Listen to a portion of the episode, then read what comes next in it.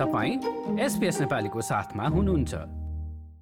अस्ट्रेलियामा आएर बसोबास गर्ने पहिलो चिनिया नागरिक दुई सय वर्ष अगाडि आएका थिए। माई साई एङ पश्चिम सिडनीमा यात्रुहरूका लागि आवास उपलब्ध गराउने गेस्ट हाउस वा इनका सञ्चालक रहेका थिए र उनको इतिहासलाई पहिल्याउन मद्दत गर्ने स्थानीय इतिहासकारहरू धन्यवादका पात्र बनेका छन्। न्यू साउथ वेल्सको स्टेट लाइब्रेरीमा धेरै खजानाहरू रहेका छन्। तीमध्ये अस्ट्रेलिया आएर बसोबास गर्ने पहिलो चिनिया नागरिकको अभिलेख पनि एक हो। गोन्जाउका माई साई एङ सन् अठार सय अठारमा अस्ट्रेलिया आएका थिए। उनले सुरुवातमा कार्पेन्टरका रूपमा काम गरे र पछि धेरै इनहरूका मालिक भए।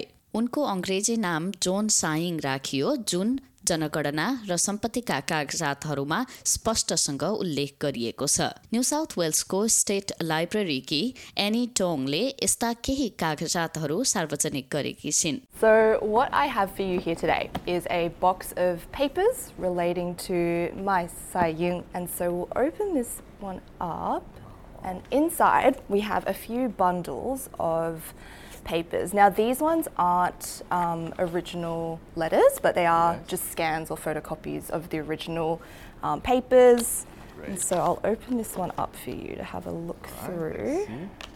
त्यहाँ उनको नातिसँगको तस्बिर पनि रहेको छ प्राइभेट जोन जोसेफ साइङ र एउटा नक्सा रहेको छ जसले उनको इनहरू रहेको स्थान देखाउँछ मार्क साई इङले बस्नका लागि पारामाटालाई रोजे जुन त्यति बेला अस्ट्रेलियाको दोस्रो सहर थियो। अहिले उनको इन रहेको स्थानमा ठूलो भवन रहेको छ र लाइट रेल बनाउने कार्य त्यही भवनको नजिक भइरहेको छ। त्यसको बाटो पारिपट्टि नै सेन्ट प्याट्रिक चिहान रहेको छ जहाँबाट उनको परिवारलाई पनि पहिल्याउन सकिन्छ। जुडिथ डन स्थानीय इतिहासकार हुन्। Oh, he's a most interesting character that not enough people know about. He was the first Chinese that we know of that came into Australia. And he was in this very area. So he's very important to us. त्यति बेला छालाको रङका आधारमा नीतिहरू बन्ने गरेको भए पनि मार्क्साई इङको अस्ट्रेलिया आप्रवासन निकै सफल रहेको पाइन्छ यस्तै नीतिहरूका कारण जग्गा किन्न उनी असमर्थ भए पनि अरूको उदारतामा भर पर्दै अगाडि बढेका थिए र अन्तत सो क्षेत्रमा तीनवटा इनहरू सञ्चालन गर्न थाले He was granted a piece of land, but it didn't seem to eventuate. He wasn't really meant to hold land because he was considered an alien from the Chinese Empire. And so other people bought land for him.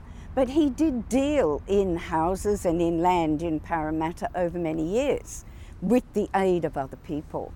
So he eventually got a piece of land that he built a house on and then for the, the Golden Lion Inn.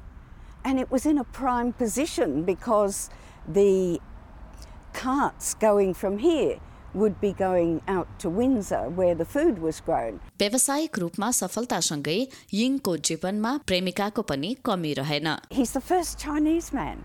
He looks different. He speaks differently. Maybe he also dressed differently.